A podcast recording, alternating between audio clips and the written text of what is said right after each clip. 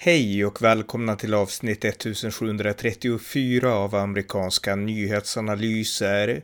En podcast med mig, Ronny Berggren, som kan stödjas på swishnummer 070-30 28 95 0. Här följer en uppdatering om det senaste i USA tillsammans med min svensk-amerikanske kollega Björn Nordström. Varmt välkomna! Björn Nordström, välkommen! Tack så mycket. Vi ska uppdatera nu igen om det senaste USA och jag tänkte börja med att fråga. Jag har läst om och jag har sett ett ganska otäckt inslag på Fox News om en, ja, en serie mord i Idaho, delstaten Idaho. Och ja, där, ja, det är universitetet. Är det på någon slags ja. campus där, där ja. ett antal studenter var inne och ja, de bodde tillsammans och sen så vart ja. de knivhuggna i sömnen. Alltså det lät som, när jag läste de här, jag fick nästan lite kalla kårar och så här vibbar från Scream-filmerna, du vet de här gamla, gamla filmerna från 90-talet. Eh, har du hört något om det här? Ja, jag har följt det ganska noga faktiskt. Det var väldigt otäckt. Nummer ett har man inte hittat gärningsmannen. Uh, det de, polisen säger, det, de har gått ut med väldigt lite information men de har ingen gärningsman, de har ingen, vad ska man säga, överhuvudtaget suspect. Och uh, det, det enda de har gett en ledtråd till att den gärningsmannen bakom det hela var förmodligen bara ute efter att döda en av dem men han råkade slå ihjäl, eller hugga ihjäl alla fyra för att vara säker på att han fick rätt person. Mm. Men uh, så att, jo, det är väldigt konstigt, väldigt otäckt fall. En liten ort i, i Idaho som egentligen inte haft några större grejer på gång som nu är liksom i, i rampljuset. Och att gärningsmannen springer omkring kanske på gatorna där någonstans och ingen vet vem det är. Det är också ganska otäckt. Och inte för så länge sedan. Det här också liksom lägger på, vad ska man säga, o, eh, vad ska man säga otäckheten i det hela det är att bara för några, några, dagar innan, inte så lång tid innan, så var det en hund som blev flådd levande i stan. Nu var det tydligen två orelaterade fall, så hunden blev flådd, liksom skinnad, skinned. Mm. Uh, av någon. Och de, de, har inte fått tag i den heller, men polisen tror att det är två olika personer. Men i alla fall, nu är det liksom en flådd hund och fyra knivmord. Så att det är liksom, det är väldigt, jag tror att människor där känner sig väldigt, väldigt, eh, vad ska man säga, otrygga. Precis, det, det, det är som en skräckfilm nästan nu. Ja, för det, det här är, staden heter Moskva, Idaho, alltså ja. Moskva heter staden och det är bara 25 000 invånare. Så det här är ju ja. en pyttestad liksom. Alltså, alla borde känna alla och det, det är ett sånt här ställe man tänker, där kan sånt här inte hända, för det finns ingen anonymitet. Och ändå har det Precis. hänt och sådär. Så att det är ju, ja, och jag såg ett inslag också att jag, på Fox News då, där, där de sa att folk, alltså i den här staden så, det var så tryggt att ingen låste dörrarna liksom. Men nu så Precis. är varje lås med uppbokad liksom, för alla vill ha lås. Så det låter väl, ja men som en skräckfilm som sagt. Det har totalt förändrat uh, kulturen där. Det, det, allt, allt, allt, allt förändras för en sån där grej va. Mm. Och, um, och som du nämnde, en väldigt, väldigt liten ort där alla känner alla. Men nu, nu, nu, kan det ju vara så att grannen är mördaren, va? det vet man ju inte eftersom det finns ingen gärningsman i alla fall som polisen har lyckats hitta. Då är man ju rädd för, att, då, då man ju rädd för alla, till och med sina grannar. Va? Så att det här förändrar fullständigt en liten ort som, som det där i Moskva. Mm. Uh, och eftersom det är inte bara ett mord, det är fyra och det är väldigt, var ett blodbad där inne. Och det bara, polisen kom in och bara hittade massa blod. Ja, ja, verkligen. Och det blir extra otäckt just när polisen inte har erfarenhet av sådana fruktansvärda brott. Och Precis. Sett, de har ju diskuterat mängder av teorier på Fox News och det senaste jag såg det var att somliga trodde att det här kunde ha skett för att det här var de populära i skolan eller på universitetet, alltså inne gänget liksom, att det var någon sån här loner outsider. Eller någon, ja, ja, eller någon incel, alltså någon sån här man som inte får sex och som är arg på kvinnor och sånt här, liksom, stod det också. Och eh, så att det har varit många teorier hit och dit och sådär, men ja, det, vad ska man säga egentligen, otäckt i alla fall. Men det är bara teorier och det blir mycket spekulationer och det är det som är så, rykten sprids, alla spekulerar och, och det är liksom bara, folk skrämmer upp varandra via rykten och spekulationer nu. Mm. Ja, vi går vidare, något mer? Ja, vi pratade om en masskjutning i Colorado för, eh, för några dagar, några veckor sedan. Uh, som gjordes, det var i Colorado Springs, så det gjorde, gärningsmannen var en icke-binär person. Nu har i alla fall vänstern antar jag då, men vänster, i alla fall har en kyrka i Colorado Springs blivit vandaliserad och Eh, de, de gjorde graffiter de skyllde på att det är, det är de kristnas fel, de konservativa kristnas fel att det här mass, massskjutningen skedde då i den här HBQT-klubben i Colorado. Så vänstern skyller direkt på att det måste vara kyrkans fel. Och det, mm. min, min tanke har ju också varit då att Minns att det var en massskjutning i Florida för några år sedan? Då var det 50 personer som dog ungefär. Va? In, och det var en, en muslim. Eh, jag tror han till och med var uh, kopplad till IS, IS eller vad det nu var. Va? inte gav sig vänstern på moskéer då och började vandalisera moskéer och skylla på islam. Men när det gäller vita, en vit icke-binär då, då genast, då måste det naturligtvis vara eh, konservativa och kyrka och kristendomens fel. Alltså det, det, är ett otroligt hyckleri bland de här vänsteraktivisterna då som att så fort, så fort det är någon, någon vit som gör det, då är det kyrkans och kristendomens fel är den till exempel muslim, då kan man ju inte skylla på islam. Nej, och det här var kyrkan, alltså organisationen i fråga var Focus on the Family som är grundad av James Dobson. Han är jättekänd, han var med på Reagan-tiden. Alltså tydlig konservativ, har varit konservativ hur länge som helst och de är ju kritiska mot LG, alltså mot gay-rättigheter och så. Det är ju de här kyrkorna, men alltså de förespråkar inte våld och det är verkligen inte de som har stått bakom det här. Så jag menar, precis som du säger, alltså det här hade man aldrig vågat göra eller ens försökt göra mot en moské, trots att de har mycket hårdare syn på sexualitet och så så än vad kristna har. Så att, eh, ja.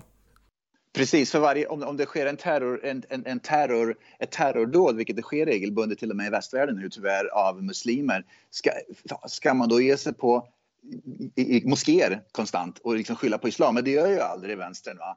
Men så fort de får chansen att ge sig på kristendomen, då gör de det. Det, det. återigen, det belyser ju hyckleriet hos vänstern, att de liksom inte har någon form av vad ska man säga, verklighetsbegrepp över det hela. Va? Att det, det, liksom, det kan vara vansinniga gärningsmän som går sådana här brott. Va? Men så fort det är någonting man kan skylla på vita män ungefär och kristendomen, då gör man det. Ja, och Colorado har ju tyvärr en historia av skjutningar. Det är inte första gången ja. många av de här stora skjutningarna har varit just i Colorado. Så att jag antar att vapenfrågan kommer att bli stor också efter det här igen. Ja, visst blir den det. Men det, Colorado tror jag, det, Colorado tror jag ganska mycket som Vermont ungefär. I Vermont det är en väldigt vänsterliberal delstat men samtidigt så är jakt väldigt, väldigt populärt där. Um, så att uh, jag tror att det är väldigt många, även om de röstar på Demokraterna i Colorado, så är det väldigt många som värnar om second amendment och sina vapen där. Så mm. jag tror att, att, att, det blir svårt att förändra några, några lagar uh, i Colorado gör det svårare att få vapen därför att jag tror människor som bor där, det är utomhusmänniskor som gillar att jaga och fiska och sånt där. Mm, ja. Eh, ja, vi går vidare, något mer? Ja, på tal om vapen, de senaste fyra åren så har är det, har, jag kommer inte ihåg siffran, jag tror det var, dub, det, jag tror det var en fördubbling. Det är en fördubbling. Antalet amerikaner som bär vapen liksom på sig nu för att skydda sig själva är dubbelt så hög nu som, som sen fyra år sedan. Och framförallt har ökningen skett under Joe Biden som president. Så sen Biden blir president och han vill hålla på att försöka stoppa vapen. Vi har pratat om sånt här förut. va? Mm. Biden och Demokraterna vill försöka stoppa second amendment och stoppa vapen och så vidare. och så vidare va? Men det visar sig att allt fler amerikaner inte bara skaffar vapen, har dem hemma allt fler amerikaner skaffar vapen och bär vapen när de lämnar sitt hem därför att de känner sig otrygga. Problemet som Demokraterna har som, man inte, som inte de vill prata om det är att Demokraterna de vill defund the police och så vidare. och så vidare va? De här siffrorna är ju direkt kopplade till att människor känner sig otrygga på gator och torg och det har ju att göra med att det här defund police, att Demokraterna inte tar våld under allvar under de två senaste åren när Demokraterna och Biden har varit suttit vid all makt så har ju liksom kriminaliteten ökat dramatiskt va? och det är det som är problemet. Um, som Demokraterna vägrar erkänna. Va? Som Demokraterna vill ha färre vapen på gatorna, då måste de se till att staten, att samhället skyddar medborgarna så man inte behöver göra det själv. Mm. Ja. Eh, jag sitter här och kollar på ett klipp från, alltså det är fotbolls-VM, du kan det här bättre än jag, men tydligen så har Marocko vunnit över Belgien i alla fall i en fotbollsmatch. Ja. Jag har inte sett den och jag har inte sett några sammandrag. Men det intressanta jag har sett, det är ju att eh, Eh, mängder av marockaner i Europa. De firar alltså att Marocko yeah. vann och eh, de firar genom att förstöra städer och göra upplopp och yeah. tända raketer och starta eldar alltså i olika städer i Europa. Och det här är ironiskt, alltså att vi låter dem, deras hemland, fast de bor inte där utan de bor i Europa, besegrar ett europeiskt land där de bor och de firar genom att härja och förstöra det land de bor i. Och kom ihåg då Gert Wilders, den här nederländske politikern då, yeah. som var väldigt känd. 2014, då gjorde han ut uttalande därför att marockanerna, de har ställt till många problem i de här länderna. Eh, och han är från Nederländerna och han sa då att eh, vill ni, sa han till sina anhängare, ha fler eller färre marockaner i Nederländerna? Och de sa färre, färre. Och för det så vart han ju åtalad och fälld för hets mot folkgrupp, Gert Wilders. Ja, och eh, det som händer nu, det är helt enkelt att marockanerna är ute och härjar därför att Belgien har förlorat mot Marocko i fotboll. De tänder eld på städerna, de gör upplopp och de förstör. Så frågan är, vill vi ha färre eller fler marockaner? Och svaret är såklart färre när de beter sig så här. Alltså det borde inte vara svårt det här och liksom, alltså man ska kunna säga det utan att bli åtalad för hets mot folkgrupp. Det är helt absurt att man inte kan det när sådana saker händer. Ja, jag, det påminner, jag minns inte så nog, jag läste jag tror det var, en, var det en svensk, svenska fotbollslandslaget som spelade i Malmö, en match i Malmö för inte så länge sedan och det finns säkert lyssnare som kan bättre än, än mig i det här. Men att det var massor av, det var fler folk som hejade på det andra landslaget än hejade på Sverige. Jag tror det var i Malmö de spelade. Det var, det var i alla fall någon, någon landskamp som gick i Malmö. eh, där Sverige var inblandade. Men det var fler människor som hejade på, på, på det andra landslaget än på det svenska landslaget. Och det påminner ju precis om det vi pratade om. Va? Att, att det, de människorna nu som liksom börjar bli majoritet på läktarna, det är de som bor i Sverige men hejar på motståndarlaget därför att det är där de är ifrån egentligen. Som andra ord, man vill inte bo i sitt hemland därför att man, det, vem vill bo där ungefär? Va? Men man, man vill åtnjuta, å, åtnjuta, liksom, äh, åtnjuta äh, att bo i västvärlden. I Belgien då till exempel. Men samtidigt så anammar man inte Belgien. Man omfamnar inte Belgien utan man fortfarande vad som omfamnar sitt forna hemland när det gäller idrott och sånt där. Va? Mm. Och jag tror det skulle vara likadant i USA. Om USA skulle spela till exempel i fotbolls-VM mot Mexiko, då tror jag faktiskt att det skulle vara fler som hejar på Mexiko än i USA på läktarna. Vi, vi pratade om det förra podden. Ja. mm. De skulle inte bränna sönder Phoenix, det skulle de inte göra. Det är, liksom, det, det är inte det riktigt del av kulturen av mexikanerna som bor här, det gör de inte. Men det skulle vara fler, så det skulle vi i alla fall slippa. Ja, men hela poängen är att, fler, ja. ja. Ja, men hela poängen är det att även om, alltså hela poängen är att man ska kunna kritisera en folkgrupp som kommer utifrån, man ska inte behöva ja, liksom bli anmäld för hets mot folkgrupp för att man kritiserar ett fenomen som tydligt är knutet till marockaner. Ja, men han sa så, det berodde ju på att det var våldsdåd i Nederländerna kopplat till just marockaner specifikt och ja. jag menar när vi får folkgrupper från andra delar av världen med andra värderingar än våra, med andra sätt att bete sig och vara, då får vi problem och då måste ju ju den majoritetsbefolkningen, urbefolkningen som bor i Europa, kunna säga vad de tycker om det. Det är inte så svårt liksom och det har ju inte att göra med att man hatar varje enskild, men däremot så kan man ju utifrån deras allmänna beteenden göra en kollektiv bedömning. Så har vi alltid gjort genom hela historien. När vi pratar om andra världskriget så pratade vi om tyskarna. Det betyder inte att vi ville mörda alla tyskar, utan det betyder att det här är deras kollektiva mentalitet, tyskarna. Vi vet det liksom. Man pratar om japanerna, man pratar om liksom, ja, man har pratat om olika folkgrupper och det är först på senare tid det har blivit fel på något sätt. Medan faktum är att vi utläser folk utifrån deras kollektiva eh, ja, det de utstrålar kollektivt, det är det som gör att vi kan göra de här generaliseringarna. Svenskar har generellt ganska goda liksom omdömen i världen. Ja, du är från Sverige, då kan jag sänka garden. Men kommer du från, inte vet jag, Marocko i det här fallet då, då tänker man oj, okej, okay, jag måste kanske vara lite försiktig för att jag associerar er med liksom att härja på städerna och liksom förstöra Europa ungefär. Så att eh, så måste man få tänka och att man inte får det, det är en skandal skulle jag säga. Och det som är ännu mer otäckt i det här, det är ju det att man ändrar yttrandefrihetslagen för att skydda för att skydda vissa grupper från att bli kritiserade till exempel. Jag menar, med hets, mm. Lagen om hets mot folkgrupp är, det är totalt inskränkning av yttrandefriheten. Va? Man får till exempel kritisera svenskar hur mycket som helst, säkert norrmän och dan danskar och finnar med, va? men man får inte kritisera eh, muslimer som inte ens är en folkgrupp eller marockaner för då blir man stämd för hets mot folkgrupp. Va? Mm. Så man till och med skapar lagar för att stoppa yttrandefriheten att, att ha sin, sin gång just för att man inte ska få kritisera sånt som egentligen är total fakta. Det är att marockanerna är mer brottsliga eller skapar sådana här problem som kanske inte svenskar eller norrmän eller japaner gör. Så man gör till och med det. Och det, det tycker jag är ännu mer otäckt faktiskt. Därför att man, man inskränker demokratin mm. istället för att demokratin ska få liksom löpa på som den, som den borde få göra genom att folk ska i alla fall kunna få yttra sig om sådana här saker. Ja, exakt, precis, verkligen. Nej men alltså det är absurt. Jag menar det här visar också hur pass, hur pass spegelvänt allt har blivit på ett extremt negativt sätt i förhållande till oss. Jag menar, de som kommer till Europa, de har oftast muslimska grupper och eh, i det här fallet det vi diskuterar nu, marockaner då, de har oftast en kultur som de anser vara överlägsen överlägsen och dominant ja. i jämförelse med våran. Jag menar, nästan alla muslimer jag har pratat med, det är inget snack om att de tror att islam är den rätta oh, vägen och att islamiska ja. värderingar är bättre än västerländska. De skyr oftast västerländska värderingar. De gillar inte yttrandefrihet som ser på yttrandefriheten. De gillar inte fri sexualitet och de är ganska hårda, speciellt när det gäller den interna styrningen. Men när de kan även externt, det är inget snack om den saken. Eh, och det vet alla som vistas i de här miljöerna lite grann. Så jag menar, de har alltså, de kan komma hit och de kan bete sig så och liksom vara var starka starka i sin övertygelse om, om att deras världsåskådning är bäst, samtidigt som vi frågar en vanlig svensk, liksom, tycker du att väst är bäst? Ja, nej, det vet jag inte, skulle de säga. Tycker du att kristendom är bäst? Nej, nej, det vet jag inte, liksom.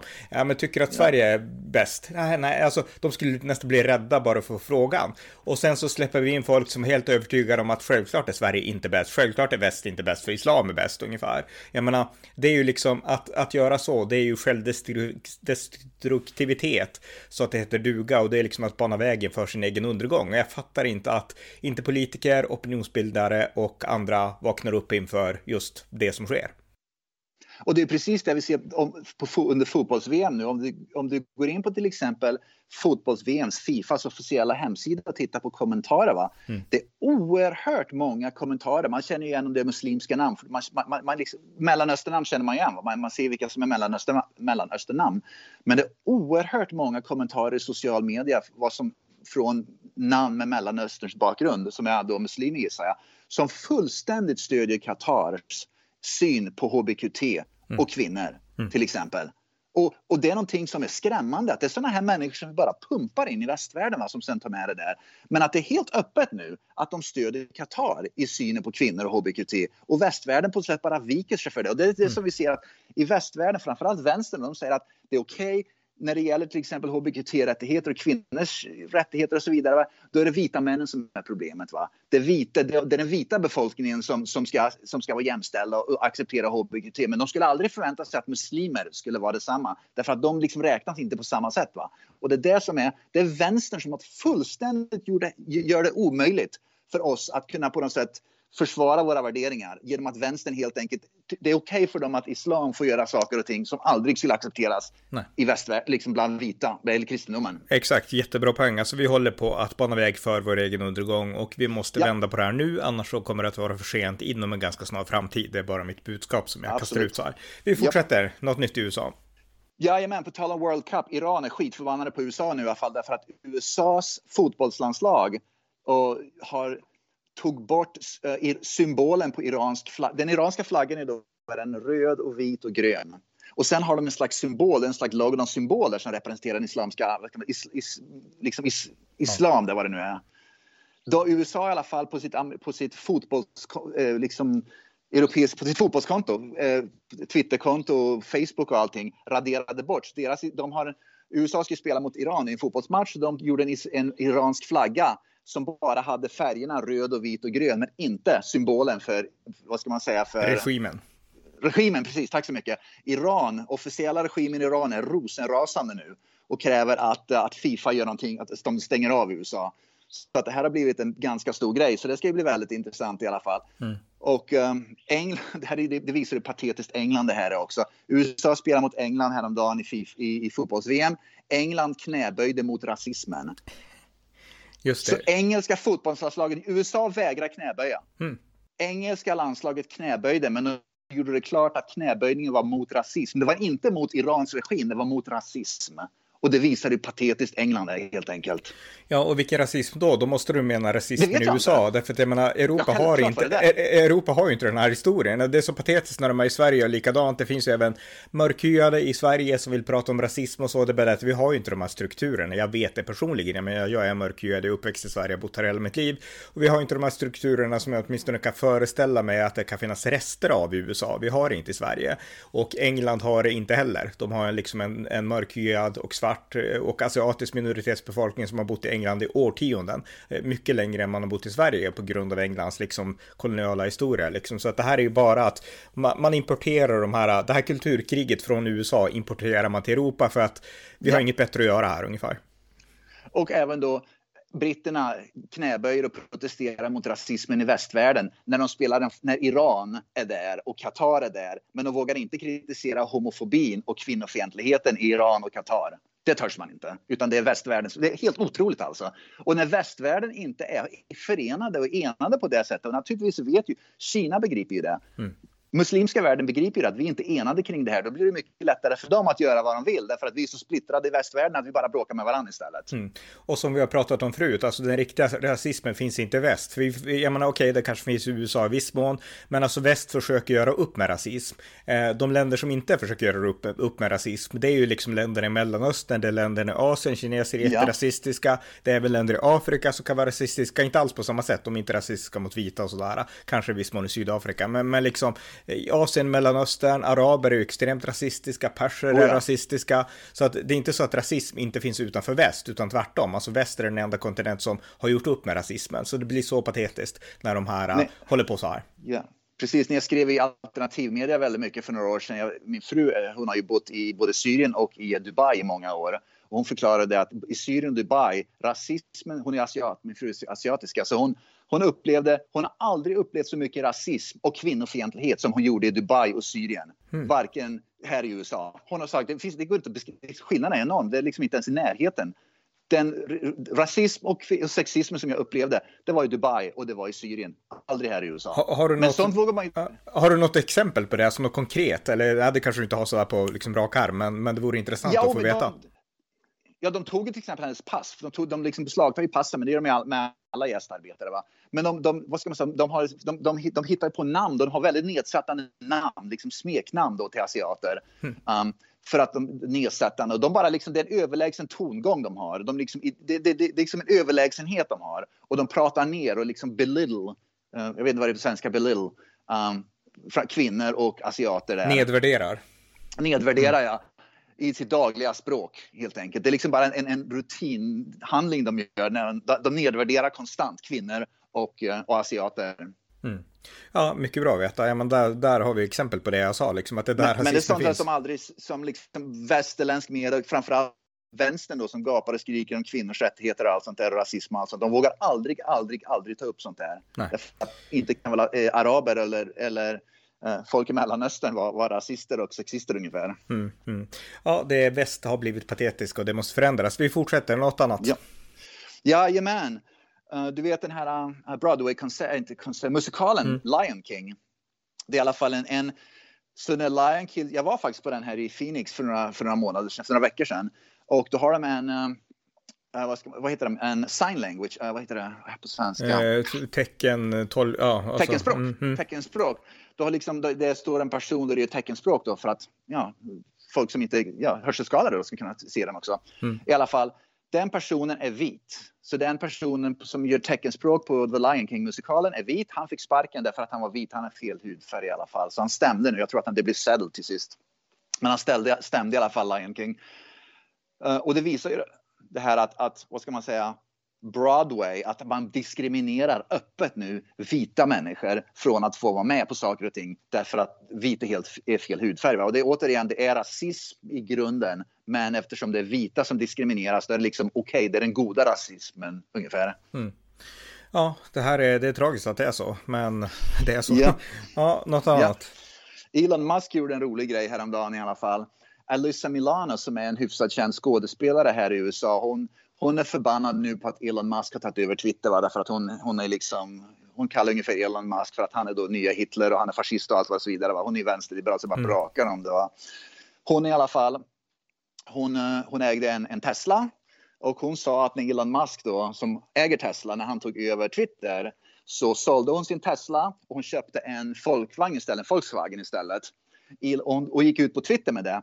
Elon Musk, han är väldigt rolig, va? han svarade ju på det Twitter och sa att bara så du vet, Volkswagen startades av nazister. Så du har köpt en bil som grundades av, nazi av nazisterna under Hitler. Vilket stämmer rent faktamässigt alltså. Så det var ganska roligt. Va? Så att hon, hon är livrädd för Elon Musk för han är nazist ungefär. Men han sa att du köpte faktiskt en bil som grundades av nazisterna på riktigt. Så att um, han ja. verkligen liksom rör, rör, rör, runt i den soppan. Ja, det var kul. Det var kul. Ja, någonting annat. Jajamän, det här är liksom visar hur woke NBA-basketen är också tyvärr.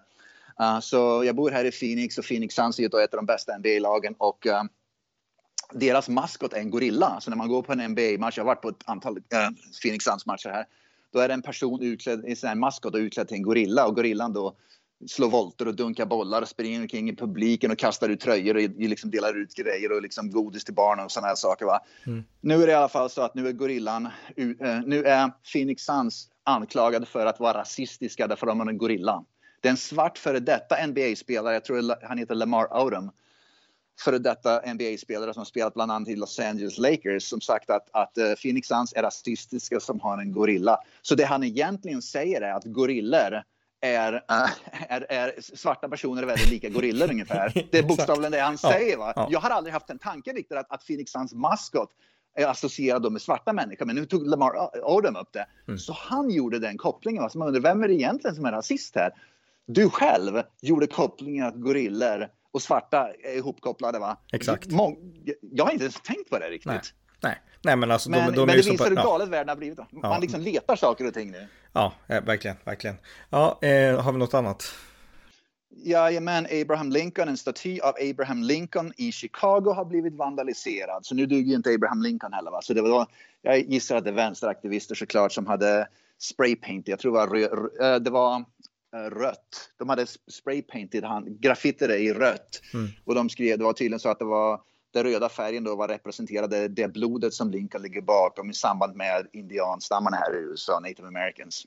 Så att ingen, ingenting liksom annat. De enda statyerna som, som, som förklarar sig nu gissar jag, det är väl de som är på svarta som till exempel Martin Luther King eller om det är några muslimska statyer, de klarar sig väl också. Mm. Men uh, allt, allt som har med vita med vit historia att göra. Det, det, liksom, det förstörs av, av vänster nu. Jag vet inte om du minns, men 2020 så införde ju Donald Trump att alla som vandaliserade ja. historiska statyer skulle få obligatoriskt tio års fängelse. Och jag har inte kollat upp statistiken, men enligt Trump själv så upphörde ju allt sånt i alla fall när det väl liksom trädde i kraft. Och jag tror det, för jag, man läste inte så mycket om det efter det där heller, att det liksom vandaliserades. Precis. Men jag förmodar att Biden har upphävt det och nu kan man vandalisera Lincoln om man vill det. Eh, ja, det här var i Chicago dessutom och mm. Chicago är väldigt vänster, så de skiter fullständigt i om det finns några lagar och regler för sånt. Tvärtom, Chicago, Lori Lightfoot som är borgmästare i Chicago, hon tycker säkert själv att det är jättebra att Lincolns staty vandaliseras. Ja, men det är ju så konstigt. Jag menar, Lincoln var ju från Illinois. Han kom ju från liksom, ja. någonstans där liksom. Så att, ja. Yeah. ja. En annan sak som jag kan nämna det är att många konservativa delstater, vi gjorde ju ett poddavsnitt om den här, vad hette dokumentärfilmen vi gjorde som handlade om alltså könsbyten och, och liksom what, what is a woman tror jag den hette. Minns du den? Som vi ja, såg. What, what is a woman, precis. Precis, ja. ja. Och det är så här att konservativa delstater, de har nu stoppat eller börjat stoppa transvård för barn, alltså könsbyten ja. för, för barn. Och eh, det är ju suveränt tycker jag, för att barn ska, alltså som vuxen ska man få fatta de besluten såklart om man känner det, men barn ska ges möjlighet att växa upp och liksom själva liksom bli trygga i sin identitet innan de gör sådana saker. Och det har liberaler inte förstått, men konservativa de säger stopp för så kallad transvård för barn då. Och för det får de såklart jättemycket kritik, föräldrar, de säger att vi ska lämna delstaterna och så vidare. Men jag tycker att det här är ju en del av den sunda utvecklingen och en av de här viktiga sakerna för, alltså som konservativa gör bra. En sak som jag, som jag tror vi pratade om det här förut, jag minns inte riktigt, men det här visar hur otroligt, eh, och återigen det här eh, hyckleriet som pågår i vänsterliberala delstater. I delstaten New York där, får man, där var det en, en, en, mamma nu som ska få fängelsestraff därför att hennes minderåriga barn hade tydligen tatuerat sig. Så att man får inte tatuera sig i New York, då åker man in i fängelse som förälder va? om det är ett minderårigt barn som tatuerar sig. Däremot är det fullt lagligt och man blir inte ens åtalad om sitt minderåriga barn genomgår en irreversibel, uh, irreversibel könsbyte. Mm. Så man får byta kön i delstaten New York utan några konsekvenser men man vill inte ha en tatuering på, ett, på, ett, på samma ålderbarn. Va? En tatuering går ju faktiskt att till viss del ta bort eller i alla fall förändra. Man kan liksom göra när man blir äldre. Va? Men ett könsbyte, ett könsbyte kan bli väldigt mer problematiskt i framtiden att återgå till vad man var tidigare. Va? Så det visar att det är ideolog, ideologi som ligger bakom och inte till exempel vilket som är svårare eller lättare att, liksom, att, att, att, att vända på. Att liksom mm. reverse. Ja, och det visar också hyckleriet då, att det, det är ideologi. Tatuering är farligt, könsbyte är helt okej okay för småbarn. Mm, ja, det är så upp och nervänt så att det, det, det, är fruktansvärt. Sverige har ju kommit väldigt långt i det här. Jag såg ett nyhetsinslag, det var bara häromdagen, om det till och med var kanske igår eller någonting, men som handlade om, eh, det, alltså det var personer som hade genomgått ett könsbyte i Sverige och sen så ångrade de sig eller liksom de var i alla fall kritiska till att de mötte, alltså de mötte bara lovord. Det var någon som sa att jag hade varit i psyk i många ärenden, det var jättesvårt att få hjälp. Men så fort det handlade om att jag hade varit osäker på mitt kön, då vart jag lovordad, jag var så modig och så vidare. Ja. Så att, eh, ja, det har verkligen gått fel, den här eh, behandlingen, verkligen. Ja, det var precis det vi pratade om mm. efter den här filmen, när vi pratade om den podden för tre, fyra veckor sedan, vad det nu mm. var. Det är liksom det att, att, man, att man gör affirmation. Det är ingen, som, ingen vågar ifrågasätta och liksom säga att nu, nu borde vi tänka ett varv till kring det här. Utan om man nämner att jag liksom, det är kön, och byt kön, byt kön, byt kön, alla applåderar ungefär. Va? Och vänster står och hyllar. Mm. det är liksom oavsett konsekvenserna. Va? Ja, ja verkligen. Eh, något annat? Ja, på tal om Chicago, det var tydligen sju stycken och brottsligheten här det var sju stycken carjackings. Carjackings är det när man helt enkelt man sitter i sin bil och man, man parkerar med en parkeringsplats, ska gå till affären och så kommer det upp någon med vapen och helt enkelt eh, stjäl bilen. Mm. Sju stycken carjackings i Chicago under en enda timme i en enda stadsdel i Chicago. Så i en enda stadsdel i Chicago under en timme så var det sju carjackings. Man ser ju aldrig vänsteraktivisterna protestera kring det, va? utan man går och protesterar Lincolns uh, staty. Men samma vänsteraktivister verkar inte ha ett skvatt problem med att det är sju, sju carjackings under en timme i en, i en förmodligen ett, ett, ett, svart område i Chicago, gissar jag på. I alla fall. Men det visar också att, att vänstern bryr sig inte ett skvatt om brottslighet som, som, så länge det inte drabbar vänstern. Mm, nej, exakt, exakt. Och ja, men det är exakt det jag har sett på västkusten i Portland och det här. Alltså när vänstern själv blir drabbad, demokraterna i det fallet, då börjar de reagera. Men det tar lång tid och det är många liksom som blir överkörda på vägen tills de här vaknar upp. Och det är det som är så tragiskt att det ska behöva vara så. Ja, det var ungefär som i West Hollywood vi pratade om i förra mm. podden.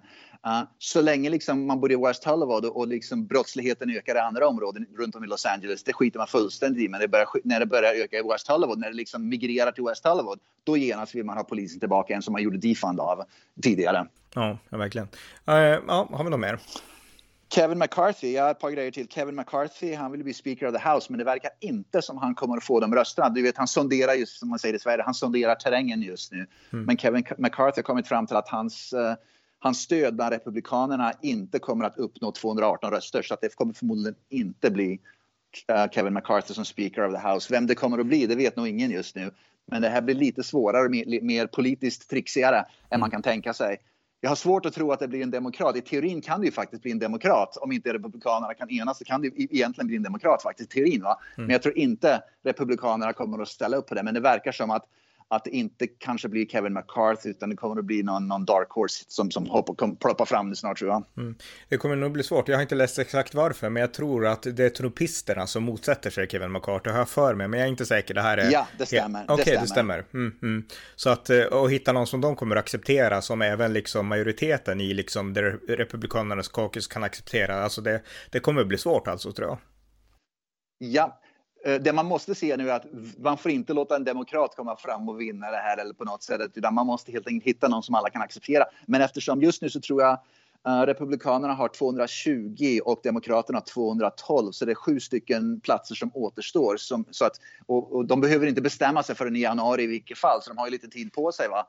Men men att de måste i princip ha 98-97 procent av alla republikanska röster bakom sig för att kunna få de där 218 rösterna. Det, det liksom, man kan inte förlora mer än 4-5 stycken, va? då är det kört. Mm. Och det är det som kommer att bli det trixiga. Va? Uh, vem ska man då välja? Hur, hur kan man få en, en, en hardcore Trump-supporter som till exempel Lauren Boebert eller vad heter hon, Marlon uh, ja. Taylor Green mm. från Georgia. Eh, Sådana, men de som är väldigt moderata uh, um, republikaner. Va? Hur ska man kunna förenas med dem? Nej, det, det här, nej, det här kommer bli liksom det stora, liksom, alltså det kommer bli svårt att lösa, så det ska bli spännande att följa det här de här veckorna. Eh, någonting annat? Ja, jag har en sista grej.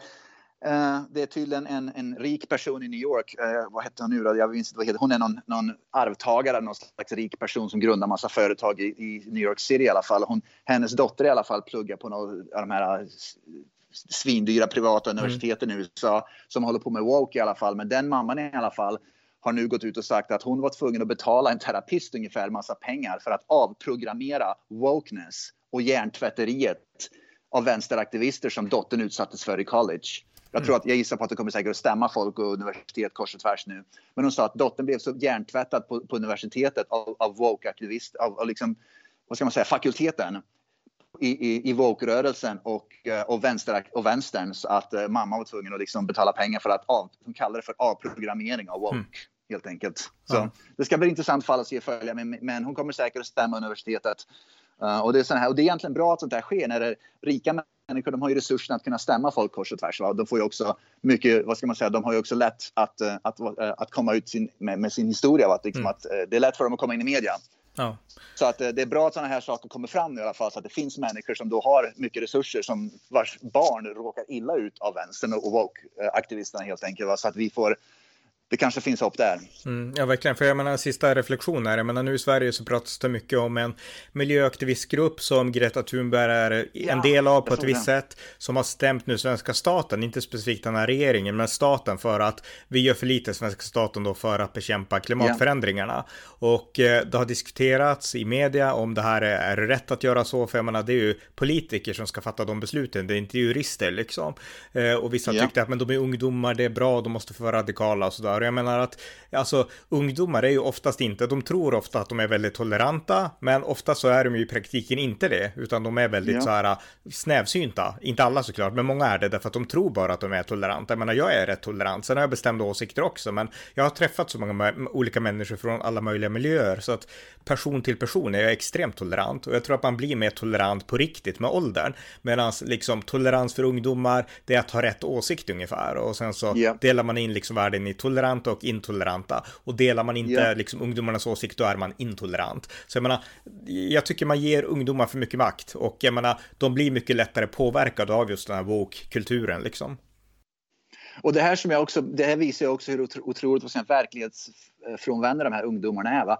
De har ju inte direkt, de vill ju inte direkt stämma för detta svenska regeringen eller staten för ökade brottsligheten som sker av massinvandringen, för gruppvåldtäkterna som kvinnor utsätts för, för heders för kvinnoförtrycket som sker i Sverige i förorterna, framförallt bland muslimska kvinnor mm. och så vidare och så vidare. Så alla negativa konsekvenser av, av massinvandringen från till exempel Mellanöstern och Afghanistan, va? de har ju aldrig haft en fundering på att stämma svenska staten över sånt som faktiskt påverkar hela det svenska samhället, skolor, individer, tryggheten och så vidare och så vidare och så vidare. Va? Det skiter de ju fullständigt i. Va? Mm. Utan nu vill de istället gå efter klimatet. Det är det enda de är intresserade Så det visar också hyckleriet som de håller på med. Va? De bryr sig inte ett skit om människor blir våldtagna på gator och torg. Det struntar de där grupperna fullständigt i. Ja, och sen tror jag att de här ungdomarna är, alltså det är en klassfråga också. Så det här är människor ja, som oftast kommer från privilegierade hem, föräldrar Precis. som är rika, kända, de går på liksom relativt skyddade skolor och alltså de, de bor ju inte i förorterna, liksom Greta Thunberg och de här. Så att jag menar, det, det är liksom, de kommer från en annan värld också. Så att de, de behöver inte de... hantera liksom realitetens vardagsproblem, utan de kan fokusera på liksom en dokumentärfilm om klimatet eller någonting. Precis, och en sak som, och det vet ju du också, när man lär sig, man, när man, med åldern så blir man också mer, man får mer empati för människor. De har ju noll empati för vanliga människor ute på, i, i liksom förorterna. Va? De bryr sig inte skvatt om sådana där. Va? Med åldern när man lär träffa människor, man liksom rör sig mycket mer ute i världen och så vidare. Va? Då får man ju lite mer empati. Man förstår världen mycket bättre. Va? Och man har mer empati med människor som är i en annan situation än när man är yngre. För då bara ser man allting utifrån sin egen lilla verklighet och bubbla. Mm. Och det är det jag tror de sitter i också, att de har ingen empati för andra människor. Nej, alltså sen har de ju det för alltså de har det för ursprungsbefolkningar och alla sådana som drabbas av klimatkriserna. Det tror jag att de har, så jag skulle inte säga så att de inte har empati, men, men däremot den är fortfarande snäv och de har svårt att, ja, de kan liksom inte bryta sig ur sin egen kontext och se saker ur andra perspektiv. Det är väl det som är lite kruxet. Jag menar, du som jobbar som lärare, du måste ha sett det här ofta liksom, alltså skillnaden mellan hur vuxna och hur ungdomar tänker, antar jag. Ja, absolut, visst gör man det. Och en sak på det också, det är också som, som vi har pratat med många poddar förut, va? jag jobbar ju nu framförallt på skolor, både för, förra året och det här skolor med framförallt stora majoriteten latinamerikaner och svarta. Mm. Och jag, jag, förstår världen på ett helt annat sätt nu än vad jag gjorde när jag bodde i Vermont och var lärare. Jag begriper saker och ting och, och, och svarta minoriteter, svarta latinamerikaner, deras som, bor, som växer upp i fattigdom, vilket tyvärr många gör, deras intresse är inte alls uh, i linje med, vänst, med vänsterns, vad ska man säga, du, har, du kommer att ha svårt om du går till min skola, det var förra året, det, du kommer att ha svårt att hitta människor som bryr sig om klimatet därför att deras stora grej är att vi är fattiga, vi har inte ens mat för dagen. Vi har liksom ett hus som håller på att rasa ihop, vi bor på gatan ungefär. Sådana saker, vi är hemlösa.